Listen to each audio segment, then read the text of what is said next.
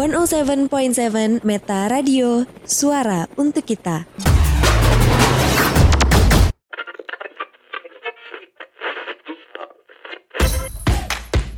Aduh, repot. Repot-repot, repot. Remaja podcast, saatnya repot nemenin weekend Sobat Meta di jam setengah delapan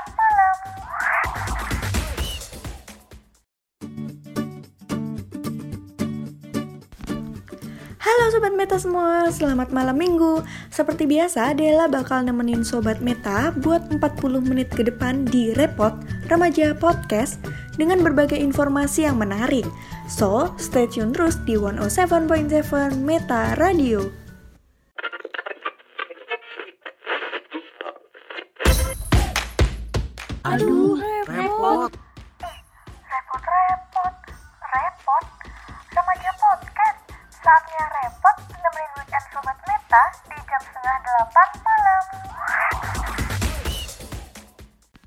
Oke Sobat Meta, repot diawali dengan rubrik ceria yang tentunya Sobat Meta bakal dengerin cerita baru yang menginspirasi seputar remaja. Ceria kali ini pasti Sobat Meta sering ngalamin di kehidupan pembelajaran. Dibanding-bandingkan, dianggap remeh apalagi menerima cemooh dari teman-teman bahkan dosen. Arkan Pradipta akan bercerita, bagaimana ia mengubah cemooh itu menjadi doa? Ceria, cerita remaja. Halo Sobat Meta, ceria, cerita remaja balik lagi bersama Pinkan dan tamu kita hari ini ada Arkan Pradipta, mahasiswa Teknik Elektro semester 5 Universitas Brawijaya. Halo Arkan, baik kabarnya? Halo Mbak Pin. Baik sih. Ngomong-ngomong mahasiswa pengen tanya dulu nih, apa sih seneng sedihnya jadi anak elektro? Kalau ditanya senengnya, ya senengnya karena udah berhasil sih. Berhasil masuk ke jurusan yang diimpikan. Yang Wah. dicita-citakan dari masa SMP malahan. Tapi kalau sedihnya ya banyak, banyak banget. Nah sedihnya itu harus keluar dari zona nyamannya. Tapi ya rasa bahagia tadi nggak bisa ngalahin semuanya sih. Sekarang lagi sibuk apa nih? Sekarang lagi jalan tiga organisasi eh, sama satu kepanitiaan. Plus harus jalanin si primary akademik, kuliah biasa. Terus sekundernya itu ya sekarang lagi jadi aslab sih sebenarnya. Jadi Oke, sih. itu boleh tahu nggak, eh, Arkan sebagai aslab, ini ngajarnya untuk semester berapa? Kalau aslab itu semua angkatan aktif. Angkatan aktif kalau di Brawijaya definisinya yang masih berstatus mahasiswa S1. Dan yang tertuanya itu 2013-2014. Wow. Arkan ini anak kedua dari dua bersaudara dan semuanya ini laki-laki.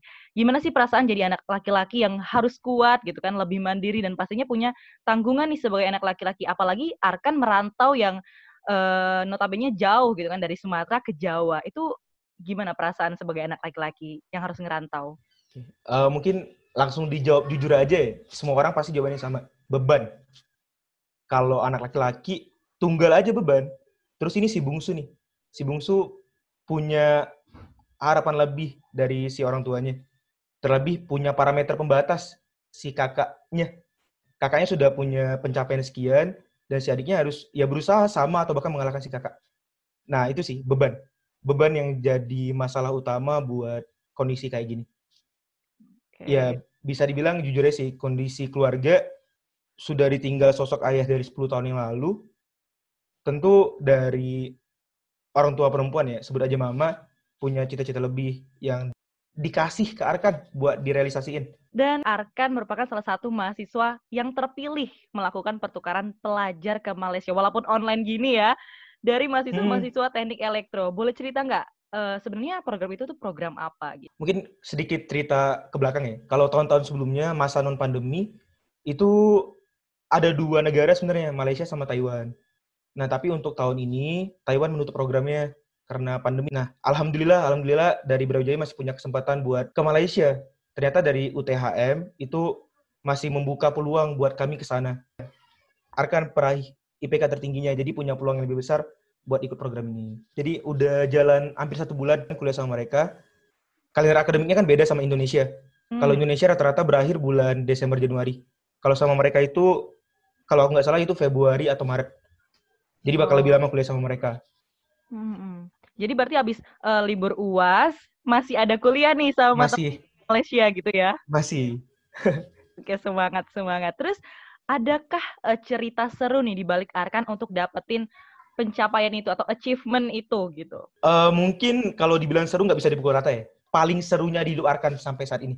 Pertama kalinya dapat kritik pedas lah. Bukan kritik sih, lebih ke statement. Statement pedas dari pihak-pihak akademisinya di sana. Ya baik teman-teman sebaya ataupun ya bisa dibilang pengajar.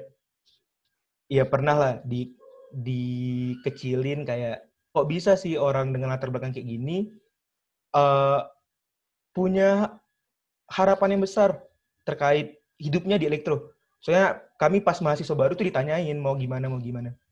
Dan ya bisa dibilang minder sih, minder sama teman-teman yang latar belakangnya lebih oke okay dari Arkan. Mereka bisa dibilang sekolah favorit di kota masing-masing. Sementara Arkan itu dari sekolah swasta di salah satu kota di Indonesia. Nah, itu yang bikin apa ya? cerita serunya dari situ sebenarnya. Jadi dari Arkan ngerasa tertantang buat ngebuktiin nih kalau si anak yang dianggap remeh ini bisa setara sama teman-teman yang secara kualitasnya sebenarnya belum teruji. Benar, Tapi benar. sudah dianggap sangat baik sama orang-orang yang mementingkan latar belakang daripada pembuktian. Wow, tapi untuk terakhir nih udah sharing and caring bersama Arkan gitu kan. Kalau memang Cemo itu membawa doa, ada pesan nggak sih untuk remaja sekarang? Pesannya buat teman-teman, jangan pernah jangan pernah ngeluh dulu lah, tapi dihadapin dulu. Dihadapin dulu, terus anggap aja nih, anggap aja uh, cemoohan orang ataupun statement orang terhadap kita, yaitu jadi tantangan buat kita. Anggap aja sebagai tantangan. Dengan demikian, kalau kita kalah terhadap tantangannya ya nggak salah. Tapi kalau kita nggak coba itu yang salah. Wow. Mungkin itu aja sih Mbak Makasih ya Arkan ya. Semoga sukses terus kuliahnya dan lancar terus perkuliahannya. Amin. Oke Sobat Meta sampai sini dulu ceria kali ini. Semoga untuk Sobat Meta yang masih takut untuk mencoba, ayo mulai melangkah hari ini juga. Ceria, cerita remaja. Di repot selanjutnya ada Rumbis, rumah bisnis. Sobat Meta, di masa serba canggih ini, tak perlu menunggu tua untuk menjadi sukses. Karena sekarang banyak pengusaha muda yang pandai menangkap peluang hingga menghasilkan omset ratusan juta rupiah seperti Dea Valencia, pengusaha batik oldies. Rumis, rumah bisnis. Tidak ada seorang pun yang tahu kapan dia akan sukses. Ada yang bisa meraih kesuksesan di usia yang masih sangat muda, tetapi ada juga yang baru mencapai kesuksesan setelah berumur lebih dari 60 tahun. Nah Sobat Meta, kisah sukses berikut ini datang dari Dea Valencia Budiarta, seorang perempuan dari sebuah desa di Jawa Tengah yang bisa meraih omset hingga ratusan juta per bulan di usianya yang masih sangat belia. Dilansir dari talk show muda inspiratif di kanal YouTube Net TV, ketertarikan Dea akan batik memang sudah ada sejak dirinya masih sangat kecil. Dea mendesain batik pertamanya pada usia 16 tahun yang pada waktu itu dibuat karena ketidaksengajaan dan keterbatasan biaya. Jadi awalnya jualan itu nggak sengaja, saya mulai belajar dari buku atau dari orang-orang lebih senior tentang proses pembuatan batik, saya akhirnya fall in love into batik. Dari situ akhirnya saya mulai mengembangkan kain-kain tersebut menjadi baju. Dia mulai berbisnis batik kecil-kecilan secara online. Ia memproduksi pakaian batiknya sendiri dan dipasarkan melalui situs jejaring sosial Facebook. Saya mulai browsing-browsing ada nggak sih komunitas orang-orang yang memang suka batik yang waktu itu saya ingin jual? Setelah ketemu orang-orangnya saya add-addin langsung pakai personal profile habis itu mulailah jualan dari sana. Waktu mulai aku dibantu dengan mami dan juga ada saat itu satu karyawan Selain piawai dalam dunia bisnis fashion, perempuan asal Semarang ini ternyata juga memiliki jiwa sosial yang sangat tinggi. Di saat perusahaan lain berlomba untuk mencari tenaga kerja yang paling sempurna dengan CV yang super mentereng, dia malah memberdayakan mereka yang berkebutuhan khusus sebagai karyawannya. Dia tidak segan mempekerjakan karyawan yang tidak memiliki kaki atau tangan. Ada juga beberapa tunarungu dan tunawicara yang direkrut oleh Dea dari Pusat Pelatihan Khusus Penyandang Disabilitas. Saat ini kita memiliki 66 orang karyawan, di mana 27 di antaranya adalah orang yang disable. Kita mulai dari yang disutuli. dan kemudian over time memulai orang-orang yang amputee yang kehilangan tangan atau kaki baik itu dari lahir ataupun karena kecelakaan saya ingin orang-orang itu bisa melihat mereka because of their ability and not from their disability Kini, bisnis batik kultur yang dibangun oleh Dea dari nol telah berkembang dengan pesat.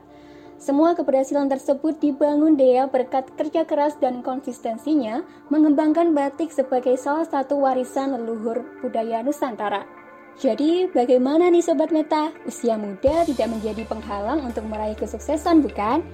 Semoga kisah Deang Valencia ini bisa menginspirasi Sobat Meta ya. Nantikan terus kisah inspiratif selanjutnya hanya di Rumbis, Rumah Bisnis. Bye-bye!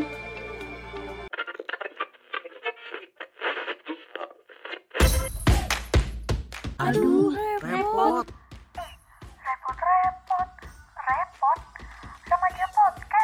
Saatnya repot nemenin weekend Sobat Meta di jam setengah delapan malam. Work from home atau kerja dari rumah merupakan cara yang efektif untuk memutus rantai penularan virus corona. Bukan hanya kita tidak perlu lagi keluar rumah, tapi juga mempercepat proses kinerja kita. Tetap di rumah dan selalu jaga kesehatan.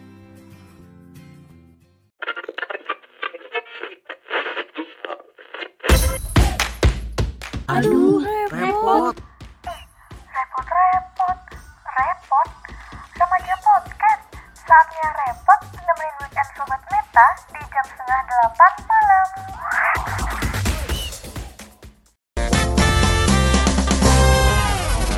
Bintang Muda Oke Sobat Meta, saatnya Bintang Muda, bincang kesehatan generasi muda bareng Dela. Sobat Meta, buat kalian yang lagi menjalani program diet, Dela akan kasih informasi tentang gimana sih diet yang dianjurkan tentunya yang baik untuk tubuh. Informasi ini akan disampaikan langsung oleh Dr. Minidian Fasitasari selaku dokter gizi. Saat ini Dela sudah terhubung bersama Dr. Minidian. Selamat malam Dr. Minidian. Malam ini Dela akan membagikan informasi mengenai diet yang dianjurkan oleh dokter gizinya secara langsung. Saat ini banyak informasi mengenai cara diet yang kita sendiri tidak tahu. Apakah cara tersebut memang baik dan benar? Menurut dokter Minidian sendiri, bagaimanakah cara diet yang dianjurkan khususnya untuk remaja? intinya gi- gizinya harus seimbang terpenuhi semua kebutuhannya baik itu sumber eh, kalori atau sumber energinya adalah dari karbohidrat protein dan lemak sesuai dengan porsi yang seimbang. Misalnya nih karbohidrat itu karena dia sumber tenaga yang utama proporsinya lebih dari separuh sekitar 50 sampai 60 persen. Protein sekitar 15 sampai 20 persen, lemak sekitar 25 sampai 30 persen. Baru nanti eh, kalau mau menurunkan berat badan dibikin supaya energinya defisit antara yang masuk sama yang keluar dalam bentuk eh, metabolisme basal, dalam bentuk aktivitas fisik ini lebih tinggi sehingga antara yang masuk sama yang keluar lebih rendah yang masuk jadi istilahnya energi defisit makanya diharapkan berat badannya akan menurun Ya, kemudian dokter banyak remaja perempuan yang melakukan pembatasan asupan lemak dan protein. Apakah hal tersebut dapat mengganggu siklus menstruasi? ya kayak kalau bisa mengganggu siklus menstruasi artinya bisa saja dia tidak men sampai eh, beberapa lama tidak apa terjadi gangguan tidak teratur demikian juga sebaliknya yang terlalu gemuk itu juga ada eh, gangguan hormonal juga dan bisa berdampak pada siklus menstruasi Ya dokter, bagaimana jika ada yang melakukan diet yang ekstrim seperti memaksakan untuk tidak makan? Apa penyebabnya untuk tubuh? Nah, kalau misalnya diet yang terlalu ekstrim tadi, selain jadi eh, kurus banget atau malnutrisi sehingga sangat eh, kurang gizi dengan segala dampaknya, imunitas tubuh jadi turun, gampang kena infeksi, terus mengganggu sistem hormonal tubuh seperti tadi siklus menstruasi terganggu.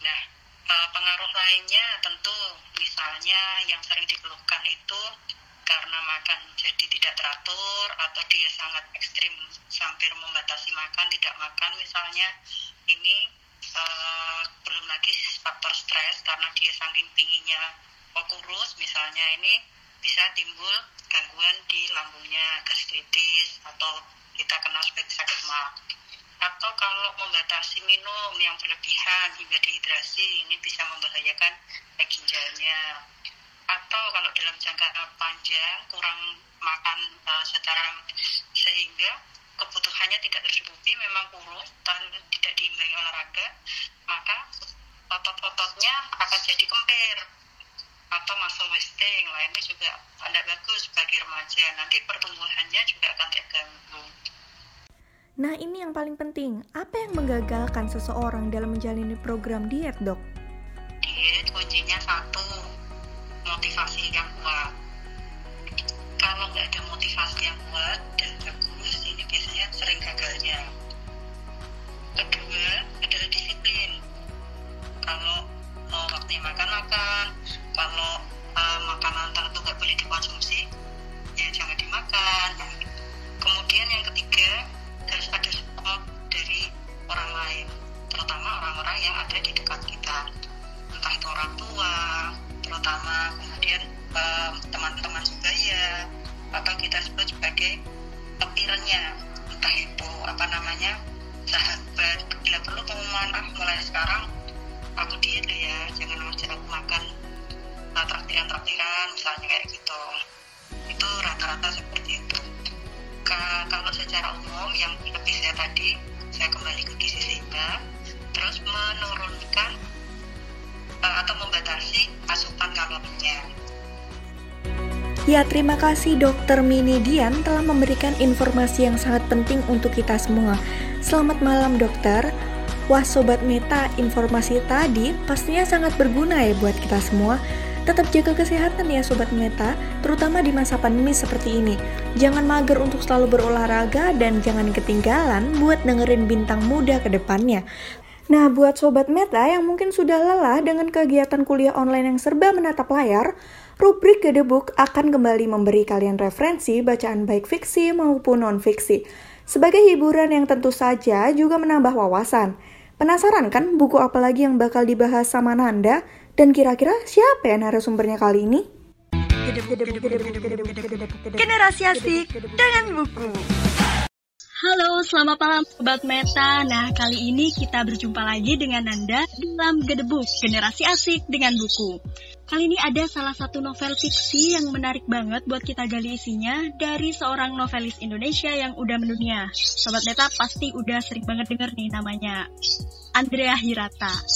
Nah, nama Andrea Hirata sendiri mulai dikenal sejak karya novel pertamanya, Laskar Pelangi berhasil meraih berbagai penghargaan di luar negeri dan berhasil diterjemahkan ke dalam lebih dari 34 bahasa dan beredar di lebih dari 130 negara.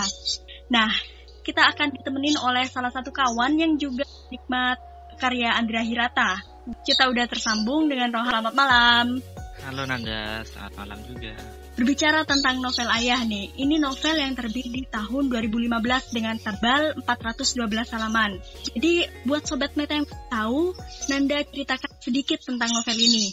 Novel ini bercerita tentang seorang tokoh utama bernama Sabari yang jatuh cinta kepada Marlena. Namun sebaliknya, sebagai menunjukkan rasa cintanya, Marlena justru semakin membenci Sabari. Nah, kita ini menjadi semakin menarik saat situasi yang tidak diinginkan menimpa Marlena dan memaksanya untuk menikahi Sabari. Selama pernikahan inilah, Marlena akhirnya melahirkan seorang anak dengan orang lain, namun Sabari yang bukan ayah kandungnya tetap mencintai anak dari Marlena ini sepenuh hati. Nah, buat Rohan sendiri yang sudah baca novel Ayah, menurut Rohan apa yang menarik dari novel ini? Um, menurutku yang menarik itu dari apa ya dari diksi mungkin ya. Dari diksi yang dipakai oleh Andrea Hirata. Jadi Andrea Hirata itu pakai diksinya itu kayak uh, diksi-diksi yang konyol gitu. Kemudian hal-hal yang tidak terpikirkan oleh aku sebelumnya. Hmm, benar-benar setuju. Andrea Hirata emang dalam pemakaian diksi itu luar biasa banget ya menurutku. Dia juga bisa menyajikan cerita yang lucu sekaligus menyentuh benar gak sih Iya benar. Dia itu memperhatikan banget diksi yang pakai yang digunakan dalam seluruh novelnya gitu. Setelah baca ini, uh, Rohan punya kesan tersendiri gak tentang novel ini atau apa yang kamu rasakan setelah selesai baca novel ini? Pas awal baca itu belum paham ya soalnya itu pertama kali aku baca novel karya Andra Hirata pas awal-awal itu belum paham ini novel apaan gitu. Terus alurnya hmm. ini gimana sulit mengerti. Tapi pas selama proses membaca terus sampai di tengah itu oh ternyata keren ya gitu. Dan itu um, aku sangat mengapresiasi karya Andrea Hirata khususnya novel Ayah ini karena alur atau masalah yang kali itu benar-benar kompleks gitu. Masalahnya itu rumit kayak dalam satu momen itu bisa menceritakan sekian banyak episode atau sekian banyak uh, lini gitu. Jadi satu kali momen itu sudah banyak hal-hal yang diungkap oleh Andrea Hirata. Nah, e, bercerita tentang isi novel ini juga ya kita bisa memetik banyak pelajaran juga ya gak sih? Ya. Salah satunya bagaimana si tokoh utama ini Sabari e, mencintai anaknya, padahal bukan anak kandungnya gitu. Kalau Rohan ada adegan atau tokoh yang apa ya, mungkin melekat banget gitu. Uh, kalau tokoh tokohnya itu kan pasti Sabari ya, soalnya mm -hmm. pas aku baca itu sampai bener-bener aku kesel sama Sabari. Dari kesalnya itu, aduh kenapa dia nggak berhenti berjuang, kenapa dia terus berkorban demi Marlena gitu kayak kesel pengen robek bukunya gitu Terus kalau adegan favoritku itu saat dia memutuskan untuk menikahi Marlena yang saat itu hamil dengan suaminya yang udah bercerai. Dia tuh dari saking cintanya, dari saking berjuangnya buat mendapatkan Marlena, dia sampai melakukan hal tersebut gitu. Terus perjuangannya itu bukan perjuangan yang mudah dan dalam waktu yang panjang dari sejak dia sekolah sampai di kerja gitu kegigihannya itu ya yang patut kita wow acungin jempol sampai gemes sendiri gitu. Di balik ceritanya yang luar biasa ini ada fakta nih di balik proses pembuatan novel ini. Ternyata Andrea Hirata menghabiskan waktu selama enam tahun untuk merampungkan novel ayah. Cukup lama ya sebenarnya. Proses ini juga dikatakannya selesai dalam waktu yang lama karena sedang melakukan proses penerjemahan Laskar Pelangi juga yang diterjemahkan ke dalam 34 bahasa itu. Selain itu juga ada proses riset yang lama. Novel ini juga novel pertama dari Andrea Hirata yang bukan merupakan novel autobiografi. Jadi kalau kita kenal dengan novel-novel sebelumnya itu penuturnya menggunakan penutur aku dan tokohnya adalah Ikal. Nah, ini novel pertama yang tidak menggunakan tokoh Ikal seperti itu. Terakhir buat Rohan nih pertanyaan. Menurut kamu dari 1 sampai 5 novel Ayah ada di nilai berapa? Aku kasih rating 4,2. Oke, 4,2 untuk novel Ayah dari Rohan. Seru banget ya pembahasan novel kali ini tentang novel Ayah dari Andrea Hirata. Nah, untuk Rohan terima kasih udah mau ngobrol bareng Nanda malam ini. Sobat Meta jangan lupa untuk terus pantengin Meta Radio di 107,7 FM karena sesaat lagi masih ada informasi menarik lainnya. Sampai jumpa di Gedebuk selanjutnya. Dadah! Oke Sobat Meta, habis ngomongin tentang buku, enaknya daripada ngomongin orang, mending kita ngomongin tentang diri sendiri. Karena saat ini kita masuk ke rubrik mandiri mengenal diri sendiri. Buat sobat meta yang sedang mengalami masa-masa pubertas, khususnya cowok-cowok nih, yang lagi ngalamin struggle-struggle tentang gimana sih seseorang itu bisa dianggap sebagai laki-laki sejati yang biasa disebut maskulinitas. Atau lagi bingung terkait bagaimana masyarakat memandang maskulinitas, serta bagaimana cara menghadapinya. Nah, maka dari itu, simak ulasan berikut ini. Saatnya program Mandiri. Mengenal diri sendiri. Maskulinitas dapat diartikan sebagai suatu atribut, perilaku, ciri, dan juga sifat yang berkaitan dengan laki-laki. Secara umum, maskulinitas erat kaitannya dengan kemandirian, keberanian, dan juga ketegasan. Lantas apakah benar jika hal tersebut menjadi kriteria bagaimana seseorang dianggap sebagai laki-laki yang maskulin? Untuk mengetahui lebih lanjut, Viorel, Kevin, dan juga Akbar mau ngasih tahu nih, pernah nggak ya mereka ngalaminya? Serta gimana sih pandang mereka tentang hal ini? Jelas pernah ngalamin. Pernah sih. Setiap anak laki-laki gitu ya pasti pernah. Kalau ada orang lain yang punya standar maskulinitas yang beda sama aku ya, ya fine fine aja karena gimana ya setiap orang kan punya pandangan masing-masing jadi kita juga nggak bisa maksain kan. Jadi tergantung kitanya mau nerima atau enggak ya nggak apa-apa sih mungkin kan setiap orang kan beda hormon apa beda gimana beda perilaku. Yang mungkin prosesnya nggak ter- nggak selalu sama loh sama proses sama yang diri kita ngalamin. Eh, kalau menurut aku sih kak itu tidak menjadi per- sebuah permasalahan ya. Karena eh, balik lagi ke dasarnya bahwa eh, setiap orang itu punya standarnya masing-masing. Biar lebih afdol kita dengar langsung aja nih dari ahlinya, yaitu dari psikolog Widya Radiani SPSI MSI yang mau berbagi tanggapannya mengenai maskulinitas. Em, sebenarnya semua orang itu pasti ada sisi maskulin dan femininnya ya. Nah kalau misalnya kita lihat nih ya dari sisi psikologi perkembangan remaja dulu gitu, entah itu laki-laki, entah itu perempuan gitu kan, mereka ketergantungan untuk orang tuanya kan udah semakin kecil, tapi ketergantungan akan lingkungannya semakin besar. Otomatis dia akan uh, menuntut menuntut dirinya sesuai dengan apa yang diinginkan lingkungan. Kita nggak bisa nyalahin sih apakah em, cowok nggak boleh nangis itu salah menurut dia. Kita harus lihat dulu nih latar belakang lingkungan sebelumnya seperti apa. Kalau misalnya pun remaja sudah punya uh, pikiran kalau seorang uh, laki-laki jantan si maskulinitas tadi itu harus uh, tegas, harus nangis, uh, harus nggak boleh nangis, misalnya harus bo- harus nggak boleh sensitif, nggak boleh tenang, harus pakai kekerasan misalnya. Kita tanya lagi nih, apakah dengan berperilaku seperti itu dia bisa nyaman nggak? Kalau ternyata efeknya lebih buruk, misalnya apalagi dia eh, dicap negatif sama orang, kemudian orang tuanya pun malah menyalahkan gitu. Nah itu yang pola pikir yang seperti itu yang harus dibenahin gitu. Apalagi kalau remaja, sebenarnya kan kalau misalnya dia sudah salah jalan, remaja itu akan mudah ditarik untuk jalan yang leb- lebih baik dari sebelumnya. Beda sama orang dewasa. Nah, sarannya untuk para remaja gitu, pastikan kalau misalnya memang punya beban, pastikan sharing aja sama orang. Jangan berpikir kalau laki-laki itu harus berbeda jauh dengan perempuan. Karena perempuan sama laki-laki kan sekarang udah udah gendernya harus udah sama gitu. Eh, semua orang tuh pasti ada sisi maskulin dan mas eh, femininnya gitu dan itu harus benar-benar diseimbangkan dan tahu kondisi lingkungan dan tahu tuntutan hidupnya seperti apa. Pada intinya, Sobat Meta jangan bimbang kalau udah ngomongin tentang maskulin nih, karena setiap orang punya makna maskulinnya masing-masing. Yang terpenting harus bisa kendalikan diri dan jadi pribadi yang baik.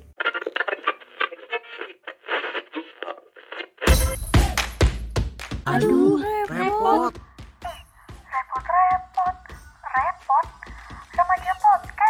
Saatnya repot nemenin weekend Sobat Meta di jam setengah delapan malam.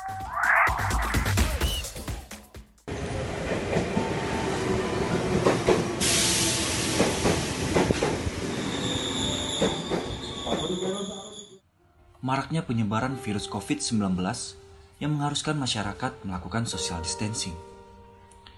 Pedulilah terhadap sesama, jangan lupakan arti sebuah sosial.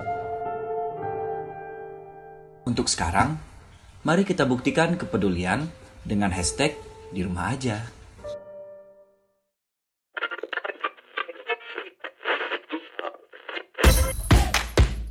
Aduh, repot. Repot-repot, repot. Remaja podcast, saatnya repot nemenin weekend Sobat Meta di jam setengah delapan malam.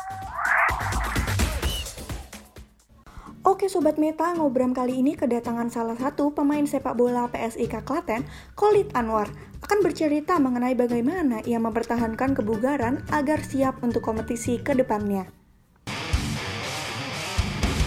Ngobram, ngobrol bareng remaja. Halo Sobat Meta, di Ngobram kali ini saya sudah kedatangan pemain dari klub PSIK Klaten. Halo Mas Kolet, gimana kabarnya? Alhamdulillah baik mas. Selama pandemi sekarang lebih sering ngapain Mas? Kalau saya lebih sering ngurusin kuliah ya karena sudah semester 5, sudah setengah perjalanan. Jadi mending ngurusin kuliah selama ini jadi kan kuliah jadi bisa fokus gitu ya Mas? Iya iya iya. Mas kompetisi berhenti sekarang. Selama kompetisi berhenti itu Masnya itu gimana ya caranya buat menjaga kebugaran dan performa? Hmm, kalau yang penting menjaga pola tidur aja mas sama pola makan. Kalau terus kalau malam ya itu paling enggak tidur itu jam 10 ya kalau lebih ya jam 11 lah kalau ada keperluan. Terus bangun paling enggak subuh jam 5 itu bangun. Paginya eh, cuma jogging-jogging biasa. Tapi ya joggingnya enggak setiap hari ya. Seumpama Senin itu sudah jogging ya Selasanya paling cuma pemanasan pelenturan cuma gitu aja. Jadi terus apa ada tambahan nutrisi mas untuk menjaga kebugaran? kalau nutrisi tetap sama pada biasanya cuma anu telur ayam. Telur ayam Jawa ditambah madu dikit sama jeruk nipis. Mentah tapi. Iya mentah. mentah Terus biasanya latihannya itu di mana mas? Apakah di rumah atau di lapangan atau gimana? kalau pandemi gini latihannya sendiri sih kalau sore itu sendiri sendiri di lapangan deket rumah soalnya temennya jauh semua kalau mau ke kalau mau bareng temen itu harus cari lapangan dulu nggak tentu lapangannya ada atau enggak Untuk lanjutan Liga 3 itu dimulainya kapan mas? Harusnya sih kemarin awal tahun ya Maret April itu harusnya Liga 3 itu harus mulai. Tapi karena pandemi Liga 3 nggak main Liga 2 nggak main Liga 1 pun juga belum main. Selama pandemi bagaimana kegiatan klub mas? kalau kegiatan klub ya seperti pelatih sama asisten pelatih itu cuma eh, mengingatkan lah mengingatkan jangan sampai badan setiap hari jangan sampai cuma diam harus paling enggak otot harus bergerak lah Kembali lagi soal latihan ya mas. Yes. Untuk pelatih itu gimana caranya biar bisa tahu kalau masnya itu benar-benar latihan di rumah. Siapa tahu kan masnya tidur tapi bilangnya latihan apa Hmm. latihan gitu. Hmm. Gimana mas car- caranya berlatihnya?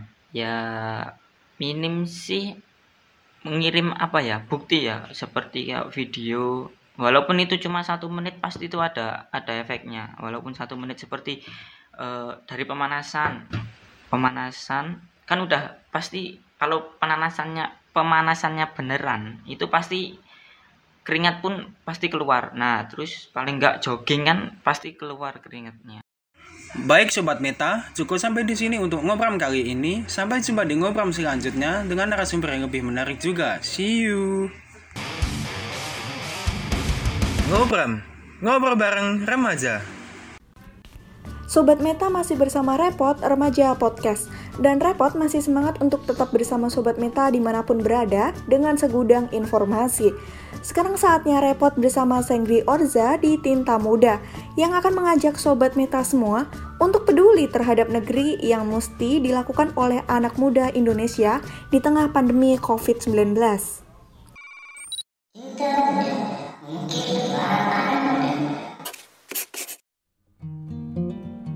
Halo Sobat Meta, di Tinta Muda kali ini saya akan mengajak Sobat Tinta semua untuk jalan-jalan ke negeri Sakura Jepang.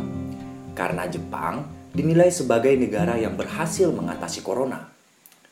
Kita sudah tersambung dengan Sobat Surya yang sekarang berada di kota Inuyama, Nagoya, Jepang. Halo Sobat Surya. Halo. Nah Sobat Surya, kita ingin mengetahui bagaimana sih sebenarnya kebijakan pemerintah di Jepang itu mengenai penanganan COVID-19 ini karena saya lihat di apa namanya di web ataupun di berita-berita online itu katanya Jepang mampu menekan angka dari penyebaran COVID-19 ini. Itu bagaimana Sobat Surya? Sebenarnya sih nggak jauh beda ya apa yang dilakukan sama pemerintah Indonesia.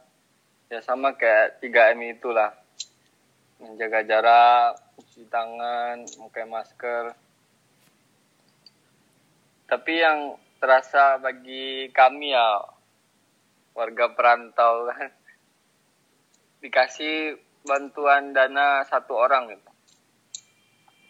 Satu orang bukan per kakak loh, satu orang. Ya itu gimana itu? Satu orang itu ya kalau di rupiah 13 jutaan kalau nggak salah deh. 13 Kita juta. segitu. Hmm. Itu bagi kami sangat membantu banget. Selain dari bantuan berupa anggaran dana seperti yang Sobat Surya sebutkan tadi, ada hal yang lain lagi nggak yang mungkin benar-benaran kerasa kebijakan pemerintah Jepang itu untuk membantu masyarakatnya begitu? Hmm, ada juga sih kayak kita dikasih masker kain gitu. Jadi dikirimnya lewat pos gitu dari rumah. Di rumah masing-masing per orang juga. Nah. Terus kayak perusahaan terus Ya. kayak perusahaan kecil kan itu juga dikasih bantuan dana. Nah, terus itu kan tadi kan kebijakan pemerintahnya nih. Untuk masalah kedisiplinan masyarakat Jepangnya di sana yang seperti Sobat Surya lihat itu seperti apa sih? Jadi ya orang Jepang itu disiplin semua ya. Ya kalau disuruh pakai masker orang Jepang ya pasti pakai masker dia. Terus di di suruh cuci tangan pasti dia cuci tangan. Berarti ya intinya di sana kedisiplinan masyarakat Jepang itu sangat ini ya, sangat tinggi ya untuk mencegah Iya, dan uh, dalam menghadapi pandemi COVID-19 ini ya. Benar sekali. Oke Sobat Surya, terima kasih banyak atas waktunya dan semoga cepat-cepat kembali ke tanah air Indonesia ini Sobat Surya. Amin. Jadi Sobat Meta, rahasia Jepang dalam menangani virus corona yaitu kebijakan pemerintah yang peduli terhadap masyarakat dan upaya dari masyarakat yang tetap menjaga kedisiplinan.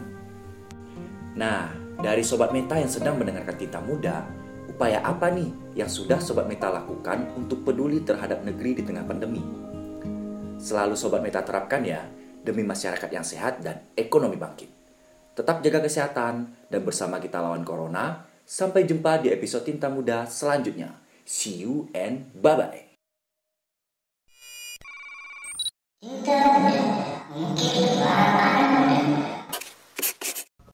Oke Sobat Meta, sebagai akhir dari program Repot, akan ada satu bahasan lagi nih mengenai passion. Masing-masing Sobat Meta pastinya memiliki cita-cita dong ya, ingin menjadi apa, serta punya keinginan yang bagaimana. Nah kali ini kita akan bahas nih di rem depan, remaja masa depan menemukan passionmu. Rem depan. Remaja masa depan. Halo Sobat Meta, pada podcast Repot Remaja Podcast kali ini, kita akan membahas seputar passion dengan menghadirkan beberapa pendapat dari narasumber yang keren pastinya. Sebelumnya, Sobat Meta pasti sering timbul pertanyaan, passion itu apa sih? Kenapa kita harus menemukan passion yang kita miliki? Dan apakah kita sudah bisa menemukan passion tersebut? Sobat Meta, passion merupakan kecenderungan atau keinginan untuk melakukan sesuatu yang kita inginkan dan dianggap penting untuk dilakukan. Dengan kata lain, passion memiliki arti berupa kondisi ketika motivasi yang kuat bertemu dengan emosi yang sama kuatnya. Lalu, bagaimana sih cara menemukan dan mengembangkan passion tersebut? Mari kita dengar pendapat dari Mario Erlanda sebagai mahasiswa dan Carla Hidayatullah sebagai karyawan sekaligus pengusaha muda.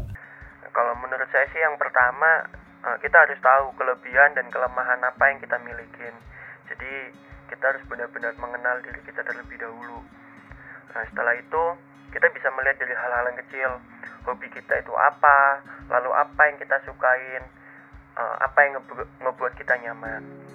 Eh, kalau dari saya sih perbanyak aktivitas sih, lebih perbanyak kegiatan. Nanti passion itu akan muncul dengan sendirinya gitu loh. Terserah kalian mau seperti apa pun kegiatannya. Kayak sekarang masih muda, masih panjang lah waktunya. Perbanyak kegiatan aja. Nanti kalian passion kalian bakal kelihatan kelihatan kok di situ. Nah, kalau tadi kita sudah mendengar dari latar belakang dua narasumber yang berbeda. Kali ini kita akan dengarkan pendapat dari seorang motivator muda yaitu Kusnul Prasetyo. Eh, untuk eh, menemukan passion ini ada beberapa cara sih. Misal em, kita harus tahu siapa diri kita. Kita harus em, tahu keunikan diri kita, kayak gitu. Kita ini jagonya di apa sih, kayak gitu. Nah, biasanya kita bisa pasti aku yakin setiap manusia pasti bisa mengingat-ingat gitu ya. Apa yang sebenarnya yang dia sukai apa yang dia tekuni apa yang apa yang paling mahir apa yang dia bisa. Itu bisa bisa dari itu. Misalnya dalam pelajaran aja ya. Em, mungkin lebih suka ke menghitung. Aku suka lebih ke menghafal. Aku lebih suka ke hal yang bersifat analisis. Oh aku suka yang bersifat seni. Itu akan pasti kelihatan aku yakin kecil nah itu. Jadi cari tahu dulu apa yang aku diri. Nah itu um, bisa uh, kembali mengingat masa-masa kecil kita. Uh, jenjang kuliah tentunya um, apa adik-adik yang apa SMA SMK yang mungkin mau melanjutkan kuliah itu tentunya harus mempertimbangkan hal-hal yang uh, kita bahas saat ini yaitu mulai dari passion. Bagaimana Sobat Meta? Semoga bisa menjadi inspirasi dengan adanya pendapat dari narasumber-narasumber tadi untuk menemukan serta mengembangkan passionmu. Sekian rubrik rem depan pada episode kali ini.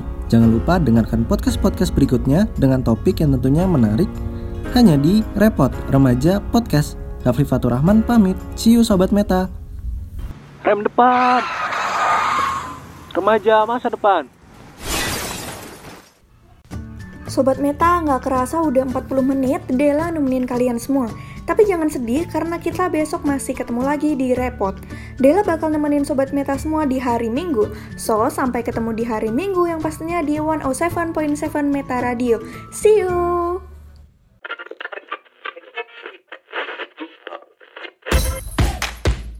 Aduh, repot. Repot-repot. Repot? Remaja podcast. Saatnya repot nemenin weekend Sobat Meta di jam setengah delapan malam.